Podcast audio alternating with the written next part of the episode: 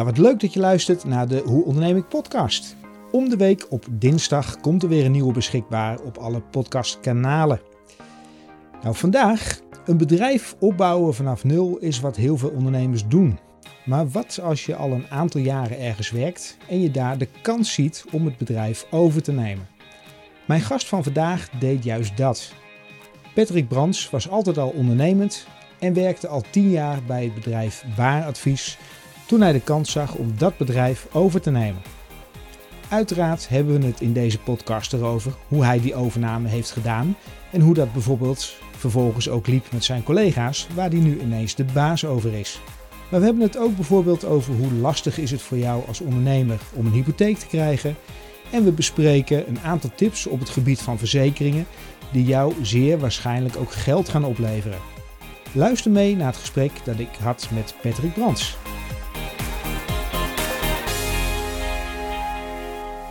Hey Patrick, tof dat we hier met de Hoe Onderneming podcast mogen zijn.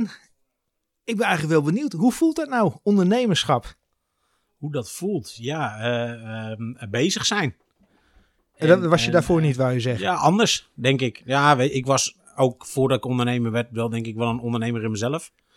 Uh, maar ja, goed, nu ben je er ook voor verantwoordelijk. En ja, weet je, je hebt de mensen lopen, er moet brood op de plank komen, let ik even huwelijk. En dat geeft toch wel andere hun inzichten, andere druk, andere manier van kijken, vooruit regeren, uh, dat soort dingen. Ja. ja, maar je was al lid van het MT hier bij, uh, bij Barendvies. Klopt. Um, en ongeveer een jaar geleden uh, kwam het moment dat jij dacht van nou weet je, ik neem die toko gewoon over. Nou, dat kwam eigenlijk twee jaar geleden natuurlijk al. Hè, want je zit natuurlijk in het voorbereidingstraject en je gaat erover sparren en praten, overleggen. En ja, uiteindelijk vorig jaar september hebben daadwerkelijk eh, de aandelen overgedragen. En ben ik nu dus trots eigenaar van, uh, ja, we noemen dat de Baar Adviesgroep op dit moment.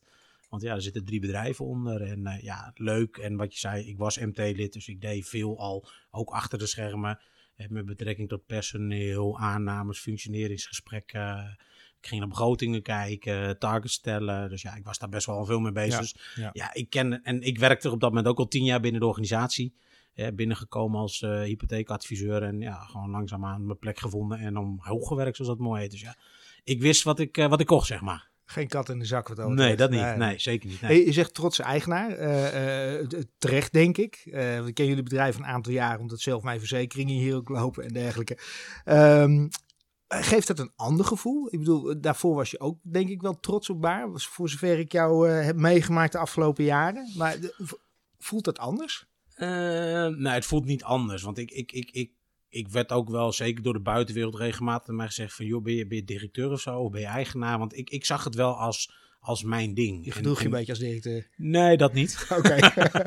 maar het kan zijn dat de indruk gewekt werd dat ik dat was.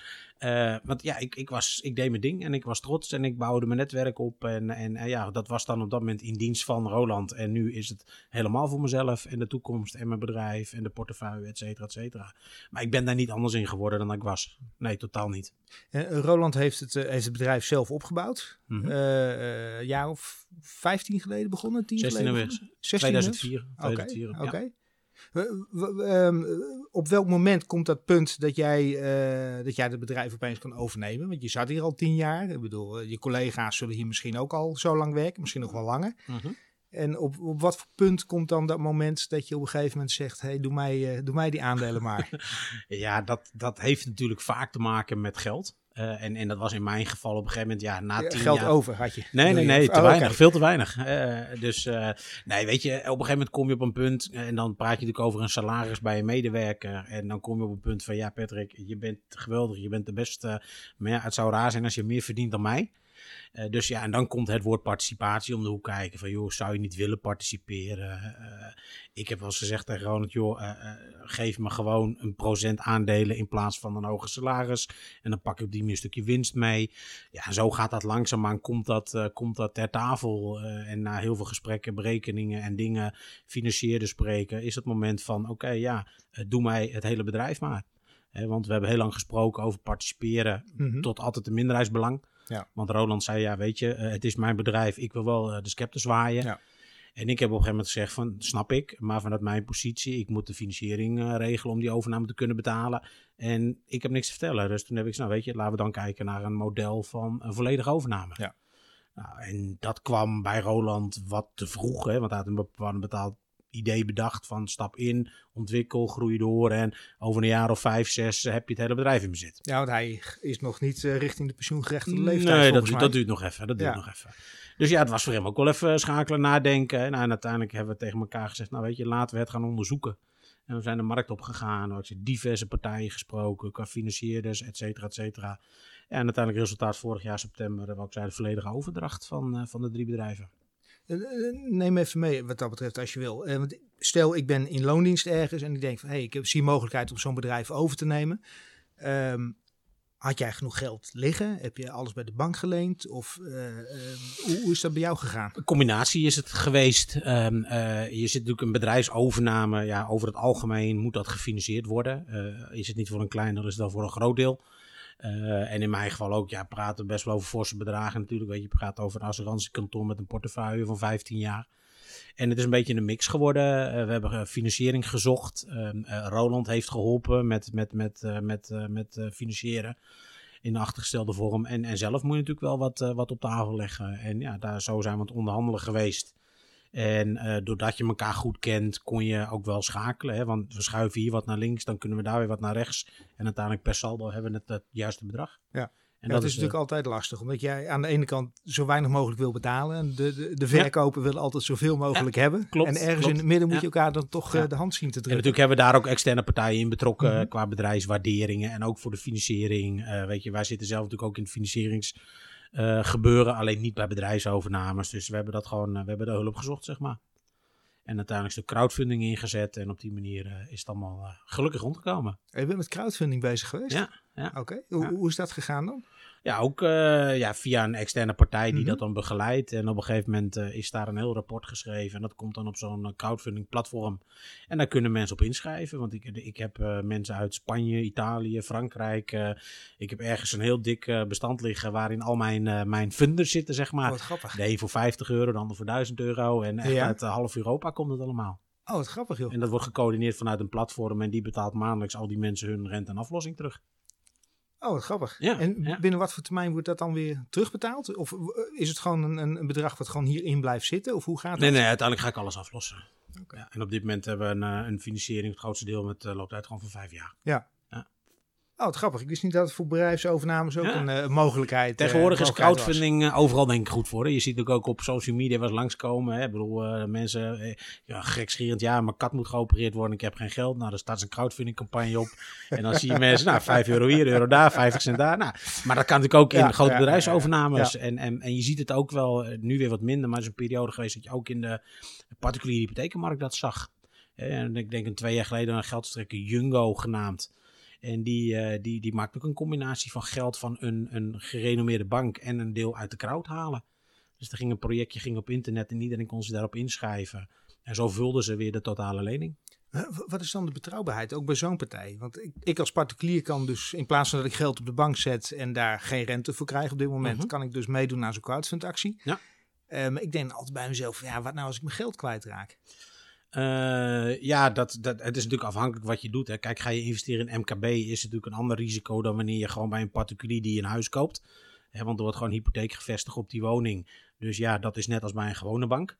Uh, dus dan zal het risico lager zijn. Dus krijg je ook een lagere renteopbrengst uh, als, als, als uitlener, zeg maar. Ja, en in het MKB is het natuurlijk altijd wel een gok van... oké, waar ga ik in investeren? Maar er ligt natuurlijk heel goed plan aan de grondslag, jaarrekeningen waar je naar kan kijken, die door kan lezen. Uh, en ook zo'n crowdfund platform, natuurlijk marges inbouwen van oké, ja leuk dat je nu een ton winst maakt, maar wat doe je volgend jaar? En, maar ja, het is anders dan op de bank. Maar precies op de bank krijg je nu 0,000, moet je zelfs gaan betalen. En nu kun je toch een ander rendement maken. En wij zeggen ook altijd, als mensen crowdfunding gaan doen, doe dat nooit met je laatste spaargeld, maar met iets wat je ook wel zou kunnen missen. Ja, hetzelfde Net als met gewoon beleggingsgeld. Ja, exact. Ja, ja, absoluut. Exact. Ja, ja, ja. En vervolgens kom je bij zo'n bank aan qua financiering. Mhm. Hoeveel procent wil een bank dan financieren? Je hebt natuurlijk het geluk, het is een draaiend bedrijf. Dat is anders dan wanneer je uh, gewoon net nieuw begint en geen cijfers ja. hebt. Nee, dat, dat klopt. En zeker een starter zal het lastiger hebben dan, nou wat je zei in mijn geval. Want wij, ik kan natuurlijk gewoon historie laten zien. Ja. Um, en dan heb je natuurlijk altijd wel een discussie. Ja, maar dat, was, dat is door de vorige eigenaar behaald. Ja, dat klopt. Maar goed, ik was ook al tien jaar onderdeel daarvan. Dat zal schelen. Uh, Dat zal schelen. En, maar goed, 100% financieren gaat je nergens lukken. Uh, gemiddeld gezien, als wij ook wel eens met MKB'ers praten, dan moet je toch wel een 30% aan eigen geld beschikbaar hebben. Of een andere vorm van financieren die achtergesteld is. Een beetje tante Agaat-achtige ja, constructies. Ja, ja, dat soort dingen bijvoorbeeld. Ja, klopt. Ja. ik kan me wel voorstellen dat de bank zegt oké, op het moment dat die cijfers al bekend zijn, uh, dan, dan zijn we eerder genegen om te zeggen van nou, we doen een fors gedeelte aan, uh, aan investering, aan financiering. Ja. Dus dat kan me goed voorstellen. Ja, klopt. wat is jou in het afgelopen jaar tegengevallen als ondernemer? Want je neemt wel dat bedrijf over. Mhm. ik ga ervan uit dat er geen lijken uit de kast vallen. want je kent het bedrijf. Ja, klopt. klopt. Um, maar het is wel een hele andere manier van werken of denken. Of, wat, wat, wat viel je daarin tegen afgelopen jaar? Ja, ik moet eigenlijk zeggen, ik, ik, ik heb niet iets wat me tegen is gevallen. Um, uh, het enige waar je, waar je gewoon meer mee bezig bent, is weet je, je gaat continu kijken van oké, wat heb ik volgende maand, hoe ziet volgend jaar eruit? Je personeel, hè, dat was iets waar ik me in basis natuurlijk niet heel veel zorgen om hoefde te maken. Dat was een ding van Roland. Alhoewel ik bijvoorbeeld uh, een afdeling wel, nou zij functioneringsgesprekken deed, beoordelingsgesprekken deed. Uh, dus, dus, maar, en dat is wel iets wat continu natuurlijk ronddraait. Van, weet je, er staan 15 mensen op de loonlijst. Er zijn 15 gezinnen die ook gewoon brood op de plank moeten hebben. En dat is wel iets wat, wat natuurlijk wel door, doorspeelt en doordraait. Waar je over nadenkt. Hè. Afgelopen maanden coronaperikelen, hoe gaat dat? En nou, dat, zijn, dat, dat is wel wat je erbij krijgt. Um, en dan, en wat ik al zei, in plaats van vier functioneringsgesprekken moeten nu 15 doen.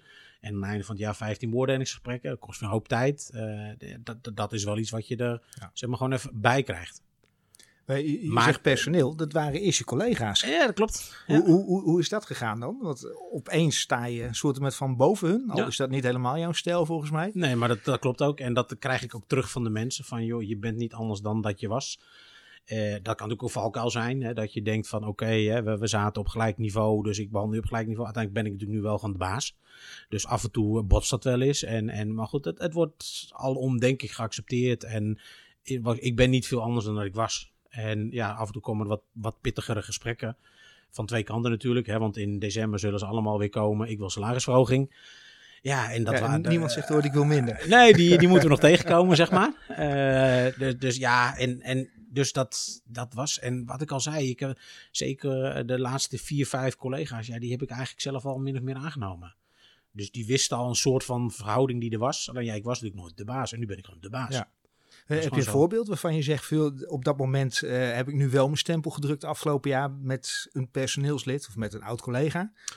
Nou, nee, dat niet zozeer. In zoverre, ja, weet je, de, de, de, ik, uh, ik heb mensen aangenomen de, waarvan we ook heel snel weer hebben gezegd van, uh, dat past niet bij ons. En dan, dan, dan zeg ik ook, ja, weet je, ik bepaal het gewoon klaar. Ja. Kan het nog zo'n leuke vent zijn, maar het gaat niet werken. Uh, en dan zit je in een proeftijd en dan kun je op dat moment kun je daar keuzes in maken. Dus op die manier wel. Maar verder, ja, de meeste mensen, wij zelf ook, die wonen hier, of die wonen, die werken hier al wat langer. En dat, dat doet ze ding. En, en ja, dat. Ja. Ja, ze wonen hier bijna soms. Althans, ik kan me voorstellen als je dat, zo lang hier werkt. Ja, ja, ja, maar weet je, het is wel meer op, op, op, op procedures en dat soort dingen. Daar heb ik wel meer mijn stempel op gedrukt, weet je. Waarvan ik dacht toen ik in loondienst was van, ik zou dat niet zo doen, ik zou dat anders doen. Ja, en nu doen we dat gewoon anders, klaar. heb je daar een voorbeeld van? Uh, heb ik daar een voorbeeld van? Ja, het is meer, weet je, procedures intern, het verwerken van dingen, het verwerken van stukken, het opslaan van stukken. Um, uh, weet je, als je bijvoorbeeld, nou ja, bijvoorbeeld 1, 1 oktober is er een nieuwe werkgeversverklaring uh, bruikbaar gemaakt in de financiële branche. Met onder andere een x-aantal corona-vraagstukken daarin. Dat was voorheen was het van, joh, heb je vast contract? Ja, prima. Nou, nu staan er dus tweetal vragen bij. Van, voor hypotheken is dat Ja, voor hypotheken okay, zijn dat. Ja. Um, nou, dat is een document, dat is 1 januari verplicht. Maar vanaf 1 oktober mag je het al gebruiken. Nou, en dan heb ik gewoon gezegd van, joh, die gaan we nu gebruiken. En alle andere documenten, die flikken we letterlijk in de prullenbak. En uh, nou ja, ja, maar niks mee te maken. Ik wil het gewoon klaar. He, dat is typisch zo'n voorbeeld. En dan kan iedereen op dat moment allerlei argumenten aandragen waarom we het niet zouden doen. Maar ja, sorry, dit gaat gewoon gebeuren en klaar. En dat is typisch een voorbeeld. Ja, en, en ik ja. weet dat bij Roland het anders zou zijn geweest. Nou, weet je, hoeft pas per 1 januari, dus doen we het pas per 1 januari. En ik heb gewoon zoiets, het kan nu. De eerste geldstrekkers vragen er al om. Waarom met twee gaan werken? Dus nou, dat, is typisch, dat is een recent voorbeeld waarvan ik dan zeg: oké, dan druk ik mijn stempel erop en dan ben ik de baas ja. en dan gaat het gewoon zo. Klaar. Je zei even, Roland deed dat op een andere manier. Uh, maar Roland werkt hier nog steeds. Klopt hij, ook. hij is jouw werknemer geworden. Ja, klopt ook, 100%. Ja. Hoe, hoe dat dan? Nou ja, dat is ook een, een onderdeel geweest, zeg maar, van, van de overname deal. Uh, wat je zegt, weet je, ik ben nooit ondernemer geweest. Hij heeft de hele tent opgebouwd. En dus, dus het idee wat we erachter hadden van, weet je, dan kan ik je coachen, kan ik je helpen, vraagbak zijn. Uh, weet je, met autoriteit financiële markten te maken, met een belastingdienstuur. En allemaal dat soort vraagstukken waar ik als medewerker natuurlijk niet mee te maken heb gehad. Uh, en ook gewoon, wat ik al zei, hij heeft mij ook financieel geholpen. Dus hij zegt ook, ja, ik wil natuurlijk wel een beetje weten wat er gebeurt daar. Want het is ook beetje voor mij nog in. Ja, nou ja, dat. dus ja, een beetje zo'n combinatiedeal. Ja. En, en uiteindelijk met, wel met het doel om binnen een, een, een termijn te gaan afbouwen. Uh, hij, hij, werkte fulltime. Uh, op dit moment al sinds 1 september wel, uh, is hij van 100 naar 90 procent gegaan. En zo langzaam proberen we dat af te gaan bouwen. Dat op een gegeven moment dat hij kan zeggen, weet je, prima, doe wat je doet en als je hem nodig hebt, weet je hem te vinden. Uh, wat zeiden de adviseurs om jou, om jou heen uh, uh, over die constructie waarin de oud-eigenaar nog steeds werkzaam blijft, in dit geval als werknemer, binnen dat bedrijf? Ik kan me voorstellen dat ze daar wel een mening over hadden. Ja, heel veel mensen hebben daar meningen over. En, en, en je hoort ook zeker, ook, ik denk als je met, met overname-experts praat, dat, dat, dat dat niet altijd als positief wordt, wordt neergezet. In de zin van ja, maar je hebt twee kapiteins op één schip. nou goed, ik kan begrijpen wat ze daarin zeggen. Um, aan de andere kant, weet je, ik, ik denk dat ik de ideale manier het allemaal heb mogen meemaken door in te stromen, MT-lid te zijn. En eigenlijk draaiden we daar de rol een beetje om. Deed ik eigenlijk wat er allemaal moest gebeuren, alleen had hij het eindoordeel. En ja, uh, dat, en dat loopt goed. En hij, hij weet wat hij moet doen en ik weet wat ik moet doen. En soms kan ik hem tegenaan houden. En, en aan de andere kant doe ik heel veel dingen zelf. En dat zegt hij ook. Als je weet, het gaat gewoon hartstikke goed. En ja, ik, ik, ik voel me eigenlijk een beetje overbodig. Uh, nou, prima, dan zit op de goede koers, denk ik. En dat zal te maken hebben wellicht dat het een draaiend bedrijf is, zelfde filosofie, dat dingen lopen. Kijk, ik denk als ik heel veel problemen zou hebben gehad vanwege corona en dus financieel, ja, dan zou die misschien ook wel anders in hebben gestaan. Waarom doe je dat nou zo? Waarom doe je het zo? Dat had je zo moeten doen. Uh, maar ja, weet je, het loopt lekker, we zijn blij en uh, dat is denk ik altijd uh, een andere manier om daarin te werken. Nou, je zegt corona, want op een gegeven moment neem je, neem je de zaak over. Je zei al, je bent er ongeveer een jaartje mee bezig geweest uiteindelijk. Ja, ja. Dan, uh, uh, ik geloof ergens september 2019, krijg je zeg maar de, de echte sleutel van, van het bedrijf. Um, ja, en vervolgens ben je een paar maanden bezig en dan opeens ziet de wereld er totaal anders uit en heb je corona. Ja, klopt. Waar ben jij tegen aangelopen bij de, bij de omschakeling en, en dat fenomeen corona? Ja, mijn grootste uitdaging was het feit dat heel veel collega's op dat moment dus kinderen hebben die op school zitten. Variërend van 1 jaar tot uh, nou, 16, 17 jaar. En dat op dat moment ineens alle scholen dicht zijn. Dus al die ouders zeggen, ja, ik heb nu mijn kind vijf dagen thuis. Even los van regelgeving omtrent reisbewegingen, thuiswerken en dat soort dingen vanuit Den Haag, was dat mijn grootste uitdaging. Uh, ook al zou ik willen dat de mensen zouden komen, ze hebben wel allemaal kinderen. Kijk, ik heb zelf ook een dochter die gelukkig nu volwassen is. Maar ja, als die vier of vijf was geweest, had ik ook, ja, oké, en nu? Opvang was dicht, alles was dicht. Dus dat is eigenlijk mijn grootste uitdaging geweest. Om dat te monitoren en te matchen. Dat iedereen met zijn kinderen niet in de problemen kwam, maar dat ik ook mijn bedrijf kon doordraaien. Uh, en dan heb je natuurlijk thuiswerkfaciliteiten, thuiswerkmogelijkheden. Uh, maar goed, als ik kijk naar de cultuur van ons bedrijf, geloof ik daar niet in. Weet je, wij zitten met, met een aantal mensen hier op kantoor. En de kracht is dat het team daar is. Dat je kan sparren, dat je kan overleggen, dat je dingen kan bespreken. Van joh, hoe zie jij dit? Hoe denk jij daarover? En dat werkt niet als iedereen thuis zit. Weet je, wij merken dat in, in, in het werk ook met, met, met geldverstrekkers. Die werken natuurlijk, uh, als je kijkt naar Stater, hele grote hypotheekverwerker. Iedereen werkt thuis ten eerste, verbindingen zijn altijd heel slecht. Telefoons kraken. Eh, en er valt niet te overleggen. Je hebt altijd, ja, nee, uh, ik moet even overleggen met mijn collega. Ik bel je zo terug. En efficiëntie die daalt zo ongelooflijk veel. Uh, en gelukkig hebben we het hier met z'n allen kunnen oplossen. Uh, weet je, ik, ik, ik heb wat ruimte gegeven om, om thuis te zijn voor de kinderen. Uh, mensen hebben zelf wat gedaan, wat vrije dagen opgenomen, halve dagen werken. nou, op die manier hebben we dat ingevuld en zijn we er eigenlijk gewoon prima doorheen gerold. Heb jij met jouw bedrijf dan gemerkt dat, dat omzet en dergelijke dalen? Want een hoop dingen lopen natuurlijk door, hypotheekaanvragen en dergelijke. Maar ja. mensen zullen misschien wat voorzichtiger zijn. Ja, wat je, wat je zegt, kijk, hypotheken, dat, dat, dat liep wel door. Um, uh, huis kopen gebeurt altijd wel. Wat je natuurlijk wel zag door de lage rentestand en wellicht in combinatie met corona. Mensen waren op zoek naar lagere lasten. Dus heel veel oversluitingen. Mensen hypotheek gingen oversluiten, daardoor konden ze de maandlasten besparen. Dus dat, dat liep allemaal wel door. Maar goed, waar wij ook wel degelijk een, een, verschil hebben gemerkt, is, is bij de verzekeringen. En ik geef altijd als voorbeeld, we hebben een aantal rijscholen in de portefeuille zitten. Nou, daar kon natuurlijk geen rijles meer gegeven worden.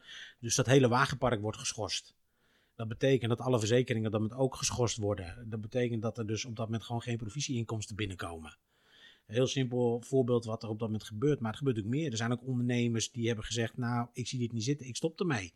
Die gaan weer in loondienst of die gaan andere mogelijkheden zoeken. Er worden aansprakelijkheidsverzekeringen beëindigd. Um, je verzuimverzekeringen, er gebeurt natuurlijk een hele hoop. Hè. Mensen, die, mensen die wel corona krijgen, die ziek worden, moeten claims ingediend gaan worden. Dus daar zag je wel degelijk een verschuiving komen in de werkzaamheden. Dat betekent dat het voor jullie een behoorlijk drukke periode is geweest? Ja, hartstikke druk. Ja. En, dan, en dan natuurlijk met wat minder mensen af en toe op kantoor uh, is dat best wel is dat schakelig geweest. Ja, klopt. Hey, um, op een gegeven moment uh, uh, speel je met het idee van, joh, ik ga dat bedrijf overnemen. Uh, en dan op een gegeven moment kom je thuis. En dan is dat moment dat je tegen je vrouw zegt: joh, schat, um, dat, dat standaard loon dat ik elke maand krijg. Ah, ik ga toch uh, de, ja, de, de, de wereld wat anders uh, tekenen wat dat betreft. Ja.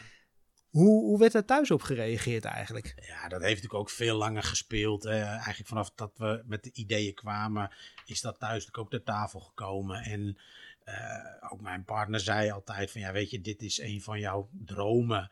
Hier moeten we gewoon voor gaan. En, uh, dat, en ook daar grond natuurlijk, maar ze vond het natuurlijk best wel eng. En, en oh, hoe gaat dat nou? Onderneming en dit en dat. Maar uiteindelijk ook zij zei natuurlijk, ja weet je, uh, je zit er al tien jaar, het bedrijf bestaat al 15 jaar. Je kent de ins en de outs. Uh, dus dat, dat, ik denk dat het anders is dan dat ik tegen haar zou hebben gezegd van, joh, San, luister, ik heb ontslag ingediend en ik begin morgen voor mezelf. Ja. Dan hadden we denk ik iets andere gesprekken gehad. Uh, dus ja, dat, dat maakt wel een verschil, denk ik. Je zegt ze vond het best eng. Uh, wat, wat vindt in dit geval jouw partner dan, dan eng? Nou ja, weet je, je, ja, je, gaat, voor, je gaat ondernemen. Uh, hoe, gaat dat, hoe gaat dat? waar ga je geld verdienen? Hoe ga je omzet halen? Wat ik zeg, je hebt 15 mensen op de loonlijst staan die betaald moeten worden. Een beetje het onbekende wat dat betreft? Ja, ook denk ik wel. En, en ja, ja, dat van, ja, wat, wat gaat het brengen? En ja, uh, hoe heb je het? het moet gefinancierd worden. Nou, praat je ook over behoorlijke bedragen. Dat moet weer terugbetaald worden. Uh, nou ja, dat, dat, dat soort dingen. Ja. aan de andere kant natuurlijk had ze er ook vertrouwen in. Wat ze natuurlijk ook al 25 jaar kent. Van joh, jij bent wie je bent. Uh, maar goed, daar hebben we wel wat gesprekken over gehad. Van nou, hoe zit dat dan? En met aansprakelijkheid. En nou, weet je, je zit natuurlijk in een BV-structuur, dus anders dan wanneer eenmanszaak en privéaanspraak. Dus nou, dat, dat, daar zijn ook gesprekken over geweest om dat helder te krijgen. Zegt klopt. BV. Ik kan me voorstellen dat zo'n bank heeft gezegd van, hé hey, eh, meneer Brands, leuk dat u dit gaat doen. Maar uh, wilt u uiteindelijk in privé toch nog even meetekenen? Uh, ja, klopt. Er zijn natuurlijk allerlei regeltjes die daarin meegaan. Uh, alleen gelukkig hebben we dat tot minimum kunnen beperken allemaal. Door de hele constructie zoals we hem hebben opgebouwd. En uh, dus wat ik zei, ik, ik, wat ik zei, ik denk als ik had gezegd van ik heb ontslag genomen en ik ga voor mezelf beginnen, was het dan... Was spannender geweest. Ja, was spannender geweest. Uh, en weet ik ook niet of ik er doorheen had gekregen, zeg maar. En uh, dus ja, dat. Hey, um, als je kijkt naar, naar de toekomst, want jij als, als nieuwe eigenaar, als nieuwe ondernemer, je hebt natuurlijk een bepaald toekomstbeeld. Of laat je alles lekker dobberen zoals het is? Nou, in principe, en zo, zo hebben we eigenlijk ook de overname ingestoken destijds van uh, business as usual. Mm -hmm. Zo ben ik er ook ingegaan van, joh, we gaan door waarmee we bezig zijn, want dat is goed. Hè, daarmee hebben we bereikt waar we nu staan. Uh, maar goed, je moet wel mee. Hè, wat ik zei, er veranderen bijna dagelijks verandert de hypotheekmarkt. Uh, er gaan steeds meer dingen natuurlijk digitaal. Robotisering speelt een rol. dus ja, ook daar liggen wel weer uitdagingen. Dus moet je weer andere takken van sport gaan zoeken. Um, maar is deze markt een beetje in beweging wat dat betreft? Qua gevoelsmatig blijft het ja, ook wel een beetje doordobberen of zo. Uh, er gebeurt aan de achtergrond heel veel. Uh, en en dat, dat ga je zeker ervaren als je vandaag de dag een hypotheekaanvraag uh, zou gaan doen. Uh, er zijn pijlers op dit moment al waar gewoon 0,0 stukken meer aangeleverd worden. Dat gaat volledig digitaal door het opvragen van gegevens bij het UWV, bij de Belastingdienst. Uh, dan, de, de, ASR heeft op dit moment zo'n hypotheek lopen, digithuishypotheek. Nou, daar komt niemand meer aan te pas. Dat gaat helemaal met volledig vooringevulde aangeleverde gegevens. Maar dan word jij op een zijspoor gezet, uh, of ja. jullie, laat ik ja, zo dat klopt. Dat, ja. dat, dat, dat, dat zien veel als een bedreiging. Mm -hmm. uh, aan de andere kant... Maar je gaat me niet vertellen dat jij dat als kans ziet? Natuurlijk zijn dat kansen, want, want robotisering betekent standaardisering. En ik kan je één ding vertellen, in die 25 jaar dat ik dit werk doe, een standaardhypotheek bestaat niet. Er zullen vast natuurlijk delen zijn die je op die manier kunt doen. Maar ja, weet je, als je al praat over fiscaliteit, overgangsrecht en dat soort dingen, dan gaat het al heel snel niet meer. Misschien me opeens te binnen dat een paar weken terug in het nieuws op een ander gebied hoor, maar dat ging over testament. Dat bij de, weet ik veel, kruidvat, Hema, dat je opeens testament kon laten opmaken. Ja. Waarbij ook gezegd werd, oké, dat is de standaardisering. Maar eigenlijk is 99% is niet standaard. Dus per saldo moet je alsnog gewoon naar een notaris of nou ja, opgesteld dat, worden. Dat, dat, is het verhaal gewoon. En, en uh, uiteindelijk denk ik, hè, en dan praat ik voor mezelf, en wellicht zul jij dat ook wel doen. Ik, ik weet niet of je erop zit te wachten om een hypotheek af te sluiten via een robot. Volgens mij wil je met een adviseur om tafel, wil je kijken naar mogelijkheden. Wil ik 10 jaar vast, wil ik 20 jaar vast? hoe ziet dat eruit? Uh, wat scheelt het als ik 10.000 euro meer of minder zelf inleg? Nou ja, dat soort dingen. Dat, daar wil je volgens mij over sparren met elkaar. En dat zal altijd dus denk ik een toegevoegde waarde zijn. Vervolgens kun je natuurlijk wel besluiten om in het, uh, zoals wij het noemen, het bemiddelingstraject, te zeggen van oké, okay, dat gaan we heel veel uh, standaardiseren. Dan gaan we heel veel dingen gaan we daar nou ja, automatisch opvragen. ik was met klanten de discussie, tegenwoordig kun je hypotheek aanvragen met een WOZ-waarde. Nou, die zijn natuurlijk de afgelopen jaren redelijk richting de markt gekropen, marktwaardes. Maar ze zijn nog steeds een jaar oud. Als je nu je WOZ-waarde opvraagt, is die van januari 2019. Nou, het kan dus best zijn door toch een taxatie aan te leveren, mm-hmm. wat dan wat extra geld kost, je een voordeel behaalt op je rente. Want de taxatie is misschien wel 50.000 euro hoger. Ja. ja, en de meeste mensen willen een zo laag mogelijke WOZ-waarde, omdat daar natuurlijk je belastingen weer Juist, op worden dat klopt. Ja, maar goed, voor hypotheek kan het soms handig zijn om een wat hogere te hebben. Ja. Nou, en zo zul je denk ik altijd op een bepaalde manier iets moeten toevoegen als adviseur. Mm-hmm. Uh, maar dat bijvoorbeeld de, de, bemiddelingstarieven onder druk komen te staan, ja, daar geloof ik ja. wel in. Maar je zegt standaardiseren. Uh, ik kan me ook voorstellen op het moment dat ik als uh, cliënt bij jou kom en ik zeg veel, maar er zijn een hoop dingen gestandaardiseerd, kunnen die kosten even naar beneden die ik aan jou betaal. Ja, nou, tegenwoordig, ja. Vroeger was er een kickback fee vanuit de partijen. de klopt. partijen.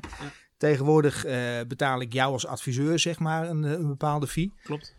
Wordt dat dan ook aangepast? Of nou, dat, ik, dat? Ik, ik, denk dat daar wel wat dingen zullen gaan gebeuren. Dat daar wijzigingen in gaan komen of verlagingen of uh, uh, een korting nadat het traject is afgerond en het is goed gelopen. Uh, daar, daar zal wel iets gebeuren. Dat betekent dat je marge onder druk komt te staan. Ja, maar goed, dan moet je dat op een andere manier compenseren. Want als je standaardiseert, zou dat ook betekenen dat de tijd die je aan een dossier hebt minder zal worden. Waardoor ik weer ruimte heb om een ander dossier te doen.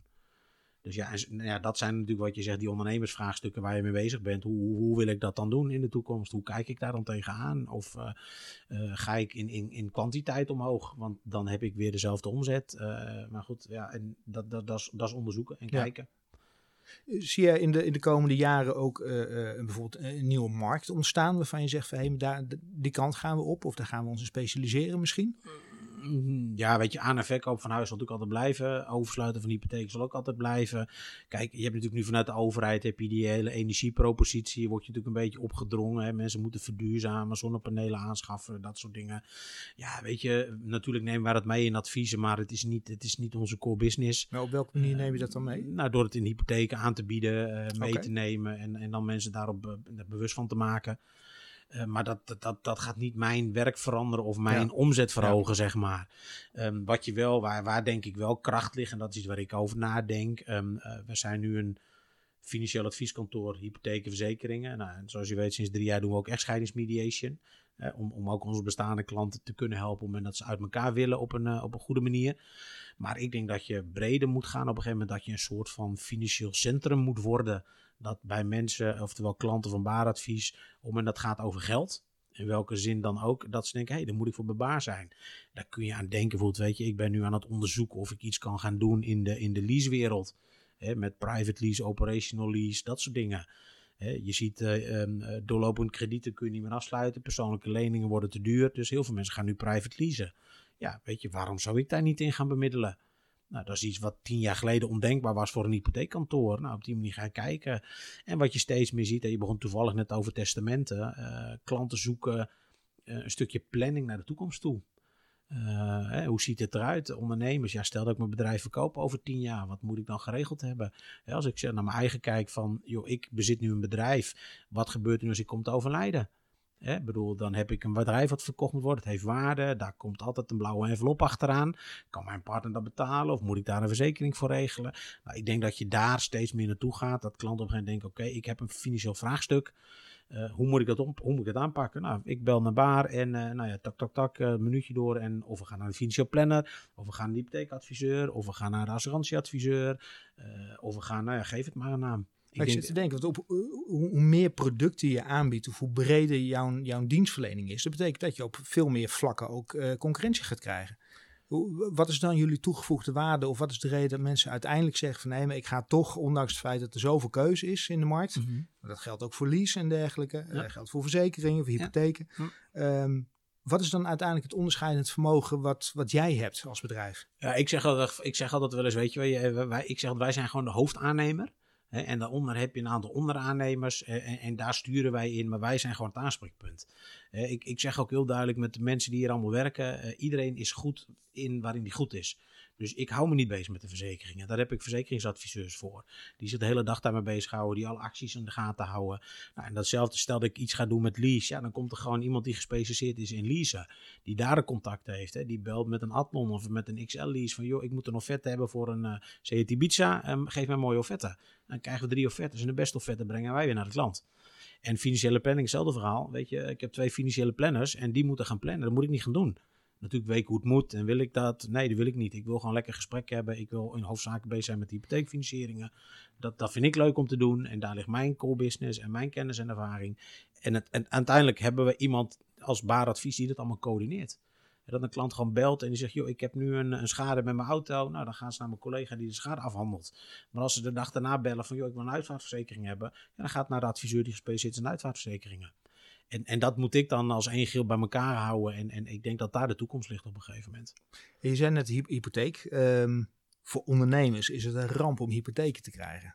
Dat wil zeggen, dat is het verhaal altijd. Hoe, hoe, hoe, kijk je daarna? Ja, uh, ik snap waar het vandaan komt. En uh, natuurlijk zijn er nu ook nog steeds ondernemers die we gewoon niet kunnen helpen. Maar uh, de branche heeft daar behoorlijke stappen in gemaakt. En, en, en ik, ik heb genoeg voorbeelden van ondernemers die we gefinancierd hebben, waarvan iedereen vooraf zei dat kan niet. Uh, maar ook van joh, zo snel al. Uh, dat heeft onder andere te maken dat in de branche gekozen is om, om een aantal partijen in Nederland uh, ja, zeg maar een mandaat te geven voor het beoordelen van het inkomen van een ondernemer. Ehm, en dan komt daar een rapport uit en dat rapport dat kun je aanbieden bij de bank en dan hoef je die hele accordering niet meer door is eigenlijk hetzelfde wanneer je werkgever een salaris ook aanlevert, leef je nu zo een inkomensverklaring ondernemer aan. En die, dat is het inkomen. Dus dat scheelt je, als je het aan de voorkant met de ondernemer oppakt en die zorgt dat het rapport er komt, heb je die hypotheek zo klaar. Alleen dan nog steeds heb je natuurlijk wel te maken met de situatie van... oké, ja, maar meneer, u bent pas zes maanden ondernemer. Uh, hoe moeten we dat aanvliegen?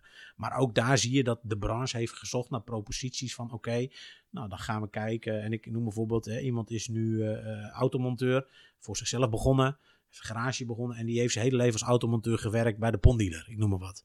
Nou, dan heb je dus mogelijkheden om iets te doen met dat inkomen wat hij toen de tijd verdiende als monteur.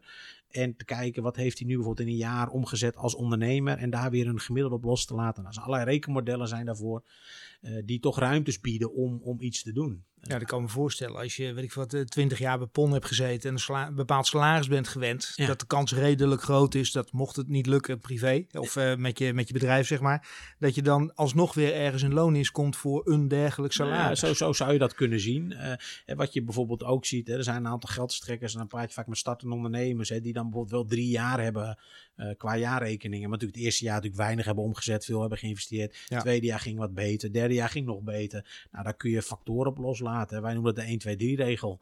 Dus dan gaat het eerste jaar maar één keer mee. En het laatste jaar wat het beste is, gaat drie keer mee. Nou, zo krijg je gemiddeld een hoger inkomen. Ja, gedeeld door zes en dan ja, weet je wat je ja, gemiddeld heb je, doet. Heb je, ja. een hoger inkomen wanneer je gewoon 1, 2, 3 zou doen. Nou, zo zie je dat er in de branche best wel mogelijkheden zijn gekomen om ook die ondernemer te helpen. We zijn net, we hebben ook voorbeelden waar het gewoon echt niet lukt. Um, stel dat ik zit te luisteren en ik denk van ja, val ik dan in de categorie? Waarom zou het echt niet lukken? Uh, ja, dat, dat, er is altijd wel een, on, on, een ondernemersinkomen vast te stellen. Alleen mm -hmm. is dat dan voldoende om de financiering aan te vragen die ze willen? Uh, daar zit vaak een crux. Uh, en wat je heel veel ziet, hè, en daar zit de fiscus natuurlijk ook op een bepaalde manier nu bovenop van in de holding BV-structuren, rekeningcouranten uh, tussen, tussen de werkmaatschappijen, tussen de directie onderling. ja, dat levert vaak wel problemen op. Weet je, dan zeggen ze ja, maar ik heb een inkomen van 60.000 euro. Ja, prima. Maar je hebt ook een schuld bij je BV van 120. Daar wordt wel naar gekeken. Ja, daar wordt zeker naar gekeken. En, en, en dan, dan, dan in, in de ogen van ondernemer, die snapt dat dan niet. Die zegt van ja, luister, ik heb toch gewoon een goed jaarsalaris. Ja, dat klopt. Alleen ergens zit er een verkeerde verhouding. En dan gaat hij niet één op één. Dus er worden ook weer correcties op losgelaten. Maar ja, dat zijn vaak toch wel uh, dingetjes waarnaar gekeken wordt. Hè. Is het dan een verschil met, met een eenmanszaak, omdat ik dat zou hebben, en, uh, en zo'n BV-structuur, zo'n zo'n holdingstructuur? Ja, geldt hetzelfde. Weet je, je hebt ook een eenmanszaak uh, die dan jaarrekening aanlevert die een negatief eigen vermogen heeft. Oftewel, die onttrekt te veel privé uit zijn onderneming. Maar zo'n eenmanszaak die zegt, joh, ik wil elke maand 2000 euro hebben. En uh, dat krijgt hij. Maar in, in, in het opstellen van de jaarrekening zie je, maar je verdient maar 40. Uh, je kosten gaan er vanaf. Dus je houdt 15 over. Maar je doet wel elke maand 2000 euro. Ja, dus eigenlijk teer je elk jaar in. Juist. Nou, weet je, dat, dat soort dingen. Dat, dat zijn vaak de eerste dingen waar we naar kijken. Omdat ik met een ondernemer te maken heb. Bij de eenmanszaak, hoe zit het met het eigen vermogen? En bij de BV holdingstructuur, oké, okay, zitten daar nog rekening, uh, et cetera, et cetera. En dan kon je vroeger als particulier in ieder geval, ik geloof iets van 120% lenen, uh, hypotheek. Uh, dat is wel heel vroeger hoor. Nou goed, oké. Okay. De laatste keer dat ik wat kocht was in 2002 volgens mij. Mm-hmm. um, op dit moment kan je hoeveel, hoeveel lenen? 100%? Van de marktwaarde. Oké. Okay. Dus een woning wordt, laten we dan zeggen, getaxeerd mm-hmm. op bijvoorbeeld 3 ton. Dan ja. kun je op basis van die woning 3 ton lenen. Okay. De andere kant zit natuurlijk steeds de inkomenstoets. Hè. Kun je die 3 ton krijgen op basis van je salaris. Mm-hmm. Maar het wordt gemaximeerd tot de marktwaarde van de woning. Oké, okay. en hoeveel moet ik dan zelf nog meenemen aan geld? Ja, dat ligt heel erg aan de casus. Weet je, um, uh, op het moment dat je nu een woning koopt, en dan praat ik over een starter die rond de 2,5 ton iets koopt, dan praat je met alle kosten erbij, uh, denk over de, echt tussen de 10 en de 12.000 euro eigen inleg. Oké, okay, best nog een hoop geld, maar wel, uh, wel realistisch ja. volgens mij. Ja. Ook daar uh, zie je natuurlijk, eerste plannen zijn in, de, in Den Haag uh, ontward om de overdrachtsbelasting daarvoor af te schaffen. Moet ik altijd wel bij zeggen, het zijn nog plannen, het moet nog door de Kamer. Maar goed, stel dat ik weer zo'n casus pak van 2,5 ton voor eerste woning kopen, scheelt dat toch 5000 euro aan eigen inleg op dat moment. Ja, maar dat zou per 1 januari dan moeten dat gaan, zijn de gaan plannen, gelden? Ja. ja. Okay. dus iedereen schuift er nu op, uh, al die starters die schuiven op tot 1 januari? De eerste, de eerste, de eerste uh, doorschuivingen zijn al gekomen, ja klopt. Ja, ja, en, en, en dat is ook iets wat ik hier intern op moment in overleg uh, heb aangegeven. Jongens, let op. Uh, mensen die nu op 28 december transport staan, nou ja, ik zou toch even een belletje met ze doen. Ja. Maar ik denk dat je een hele grote vriend wordt op het moment dat jij vertelt, joh, ga nu vier dagen later en dan scheelt je 7000 euro. Dat is toch een hoop geld, hè? Ja, dat is een hoop geld. Dat is een hoop geld. Ja. Ja. Maar dan was, ik zei het wel bij, het is nog een wetsvoorstel, het is Mhm. nog niet definitief. En dan moet ik zeggen, uh, ik verwacht dat het wel definitief wordt. Maar goed, uh, hè, je moet ze in ieder geval denk ik op attenderen. En, en ja, je hebt dat soort varianten nu. Je ziet altijd uh, dat mensen, heel veel mensen kiezen om einde van het jaar nog snel langs de notaris te gaan. Want het jaar daarop hebben ze dan de aftrekposten vanuit het financieren. Uh, maar goed, misschien moet je tegen die mensen nu zeggen: ja, dan maar uh, de aftrek een jaar later. Want dat scheelt je wel 2% over de koopsom en overdrachtsbelasting. Ja, dat is een hoop geld. Dat is een hoop geld. Ja. ja. ja. ja. Dus. Hey, wat zie je verder in, in ontwikkeling? Want jullie doen ook verzekeringen. Uh, in het voorgesprek noemde jij onder andere even de casus van de, van de laptop, zeg maar, die, die privé de is iPad. gekocht. Of die zakelijk is gekocht. Hoe was het ook alweer? Ja, ja. Nou, wat je natuurlijk veelal ziet, ondernemers hebben natuurlijk BTW-plichten. Dat betekent uh, uh, aftrek en betalen. Dus wat zie je veel aan ondernemen? Die denken, oh, ik moet mijn dochter wil een nieuwe iPad. Ik koop de iPad bij de Mediamarkt of bij de bol.com, zo waar ze hem ook weghalen. En die boeken de iPad op de zaak, want dan kunnen ze BTW terugvorderen. Nou, een heel logisch gevolg. Um, vervolgens heeft die ondernemer geen zakelijke verzekeringen, behalve zijn aansprakelijkheidsverzekering. Uh, wat daarvan zeggen, dat is toch minimale wat die ondernemer moet hebben. En uh, dan uh, een jaar later belt die klant ons op en die zegt: Joh, luister, de iPad van mijn dochter is gevallen en ja, die, die wil ik claimen op de inboedelverzekering. Want er zit natuurlijk in inboedelverzekering een bepaalde dekking voor, voor smart elektronica. Nou, dan zeggen wij prima, die maar schadeformulier in. En dan is natuurlijk altijd de vraag vanuit ons en de verzekeraar: kunt u de aankoopbon aanleveren of de aankoopfactuur? Nou, dan krijg je die aangeleverd en dan zie je dus dat die is gekocht op het bedrijf. Ja, en dan is het gewoon helaas pindakaas. Dan zit er geen dekking op je particuliere inboedelverzekering. Uh, maakt het dan nog uit op het moment dat ik hem bijvoorbeeld bij de Mediamarkt koop? Ik geef mijn eigen naam aan. Ik bedoel, zakelijk en privé loopt door elkaar bij een eenmanszaak. Ja. Uh, zit daar dan nog ook verschil in? Nou ja, dan wordt het al wat lastiger. Uh, maar veelal zie je natuurlijk dat dan wordt gezegd van ja, zet de factuur maar op de zaak. En dan kan je natuurlijk hebben van joh, ik, ik ben Piet Klaassen. en maar de factuur staat op Klaassen advies. Ja, dan is het toch wel degelijk een zakelijke factuur. Ja. Ja. En, en, en ja, daar zit natuurlijk grijs gebied. Hè, op het Ja. moment dat, dat de ondernemer zegt van ja, ik heet Piet Klaassen en mijn bedrijf heet Piet Klaassen. Ja, dan wordt het wat lastiger. Maar over het algemeen heeft de eenmanszaak wel een andere naam dan de natuurlijke persoon. Ja, want ik kan me voorstellen dat zo'n verzekeraar die kan niet terughalen of teruggeleiden van hey, de BTW is, is zakelijk zeg maar nee, nee, maar zo afgetrokken zal het en- ook niet nee, gaan. nee, Maar nee. dat zeg ik. 9 van 10 keer zie je het op de factuur al. Ja. En dan is het gewoon zonde. Weet je, dan zeggen wij ook, joh, had nou gewoon even geïnformeerd, had een gesprek gehad met een goede adviseur. Want ook de kosten voor een inboedelverzekering of een goederinventaris voor een ondernemer, dat zijn niet de, dat zijn niet de euro's. Ja. Eh, ik merk ook in de netwerken waar ik eh, dit soort dingen bespreek, dat en ik denk acht van de tien ondernemers toch voor ons, hey, eh, oh ja, dat heb ik eigenlijk ook gedaan. En de ene zegt van, joh, weet je, ik koop wel een nieuwe iPad als die kapot is. En de ander zegt, ja, weet je, ik heb een verzekering, dat moet gewoon gedekt zijn. Ook daarin kun je kiezen van, joh, ik heb, ben een kleine eenmanszaak. Ik doe op mijn particuliere inboedelverzekering een klein stukje zakelijk verzekeren. Weet je, je betaalt een paar euro meer, maar dan heb je wel die dekking. En ik zit ook bijvoorbeeld even aan, aan verzekering als rechtsbijstand te denken. Eh, particulier zullen een hoop mensen dat hebben. Ja. Maar dat mag je dus ook niet zomaar zakelijk aanspreken. Ook ben ik eenmanszaak en Nee. loopt het een beetje door elkaar, Nee, zeg maar. Nee, dat moet echt, moet echt gescheiden zijn. En dat geldt ook bij aansprakelijkheid natuurlijk. Hè. Die zie je ook vaak wel eh, ontbreken. Eh, en dan, dan, dan is ook weer zo'n eenmanszaak die komt bij iemand thuis. En ik zeg altijd, de, hele dure Ming-vaas eh, van met een waarde van 10.000 euro, die stoot hij om. Eh, en dan komt hij ook, ja, ik, eh, ja, maar wat deed je? Ja, ik was daar aan het klussen. Ja, dat gaat dus niet werken op je particuliere inboedelverzekering. Dus ja, daar ligt best wel voor ondernemers liggen daar uitdagingen. En, en eh, nou, dat maakt ons werk zo leuk en interessant om dat te bespreken. Eh, Hebben we het dan over tientjes werk per, per maand, zeg maar? Of, eh, Ja, want heel vaak hoor je natuurlijk, ja, verzekeringen is duur. En zeker voor de, de, de kleinere, de ZZP'ers en dergelijke. Dat loopt best wel op. Ja, je, hebt, je hebt tegenwoordig eh, een soort van eh, nou ja, starterspakketjes, basisverzekering. Ja, was dan praat je over tientjes in de maand. eh. maar goed, weet je, als je net start, eh, elke 50 euro is er één. Eh, maar goed, één keer niet kunnen claimen, dat kost veel meer. Weet je, dat, eh, en, en daar proberen we gewoon altijd in overleg dingen te kijken en te doen en te overleggen. En ik zeg ook altijd, je kunt beter dan maar iets regelen dan niets regelen. Nou zijn we in, in Nederland gek op, eh, op verzekeren volgens mij. Ik bedoel, we hebben een heel hoop verzekerd en er kan heel hoop verzekerd worden. ja, Eh, Zie jij daar nog verder ontwikkelingen in op dit moment? Of op dit gebied? Ik hoorde jou iets roepen over eh, eh, cybercrime bijvoorbeeld. Ja, nee, dat wou ik zeggen. Je ziet natuurlijk andere. eh, kijk, verzekeren doe je eh, om een risico wat je loopt te voorkomen. Eh, en en nou, je geeft zelf al aan, hè, we doen natuurlijk steeds meer online. Eh, en daar gebeuren dus, daar kunnen dus ook dingen misgaan. Hè. En nu de, wat je natuurlijk tegenwoordig hoort, hè, de WhatsApp-fraude, eh, hacks die je krijgt. Hè. Neem de Universiteit van Maastricht van, joh, je kunt helemaal niks meer behalve als je zoveel ton betaalt. Nou Ja, dat is natuurlijk allemaal cyberrisk. Nou, daar zijn nu ook partijen in de markt die daar natuurlijk induiken. Die Maar zeggen er zit er wel verschil in tussen, tussen de Universiteit van Maastricht, die Ja. wordt gehackt, die wordt platgelegd. Ja. Of ik ben die, eh, die gek die eh, nou, toch helaas zo dom is om uiteindelijk via de WhatsApp-fraude ja te zeggen. Oh, dat is mijn dochter en weet je, ik maak even 2000 euro over. Ja. Daar zit toch wel wat van verschil Er zit ook tussen. veel verschillen. En daar geldt net als wat we een paar keer over. Weet je, je hebt, je hebt het op particulier vlak natuurlijk. En je hebt het op zakelijk vlak.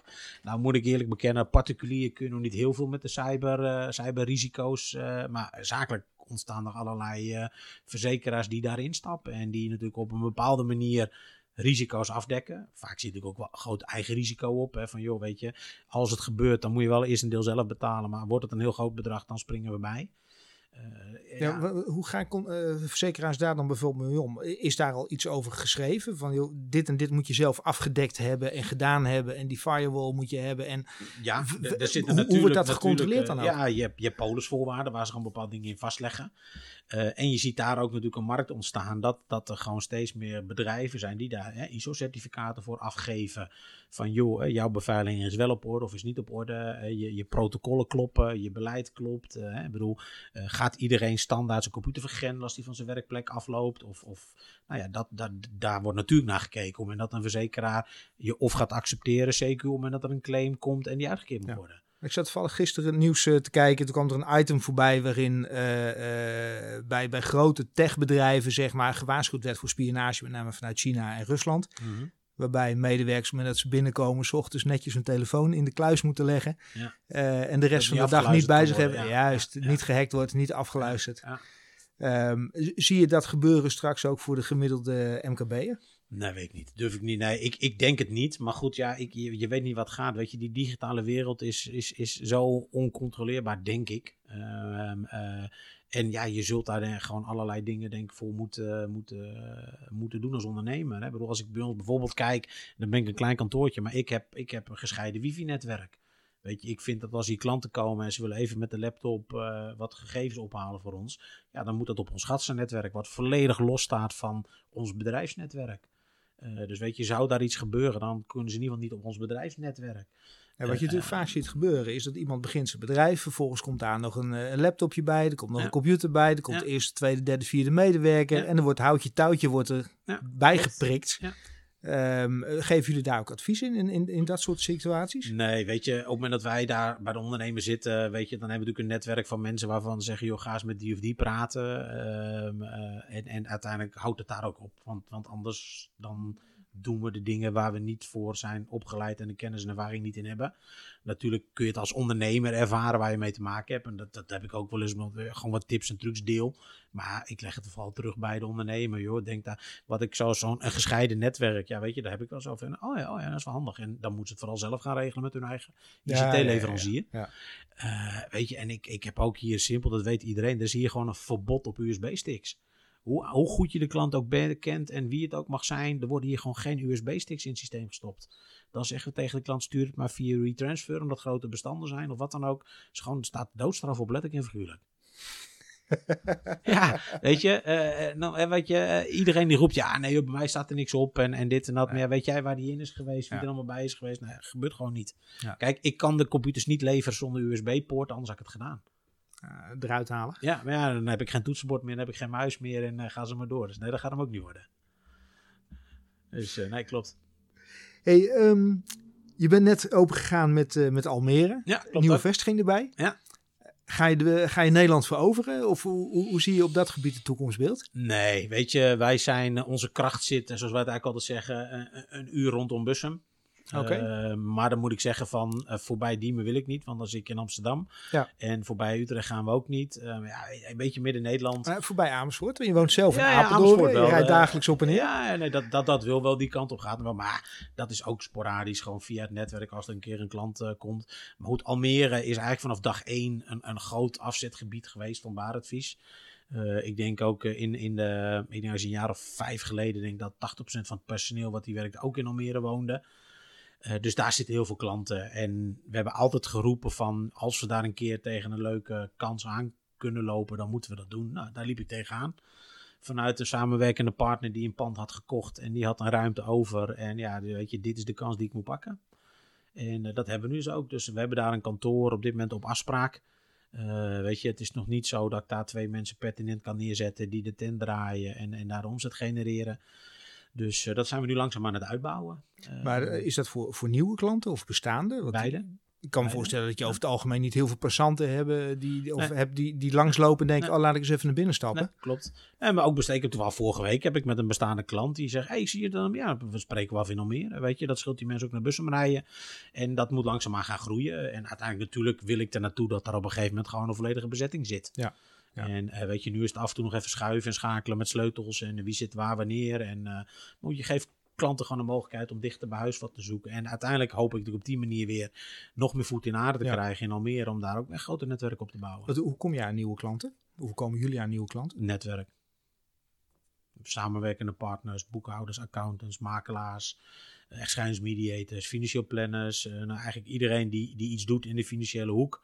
Uh, ja, die verwijzen klanten naar ons door. Heb je daar een bepaalde strategie in? Of zeg je begin van het jaar, nou, we zien wel dit jaar wat erbij gaat komen?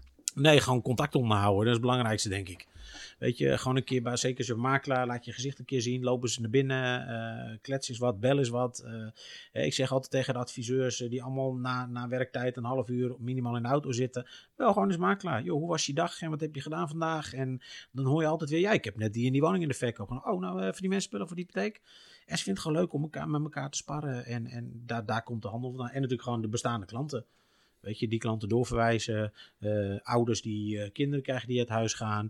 Uh, scheidingen, het levert weer nieuwe klanten op. Hè, want ja, uiteindelijk een van de twee moet weer naar een nieuwe woning. Ja, en zo probeer je dat gewoon allemaal verder in te vullen. Hoe zie jij jouw toekomst als ondernemer? Hoe zie ik mijn toekomst als ondernemer?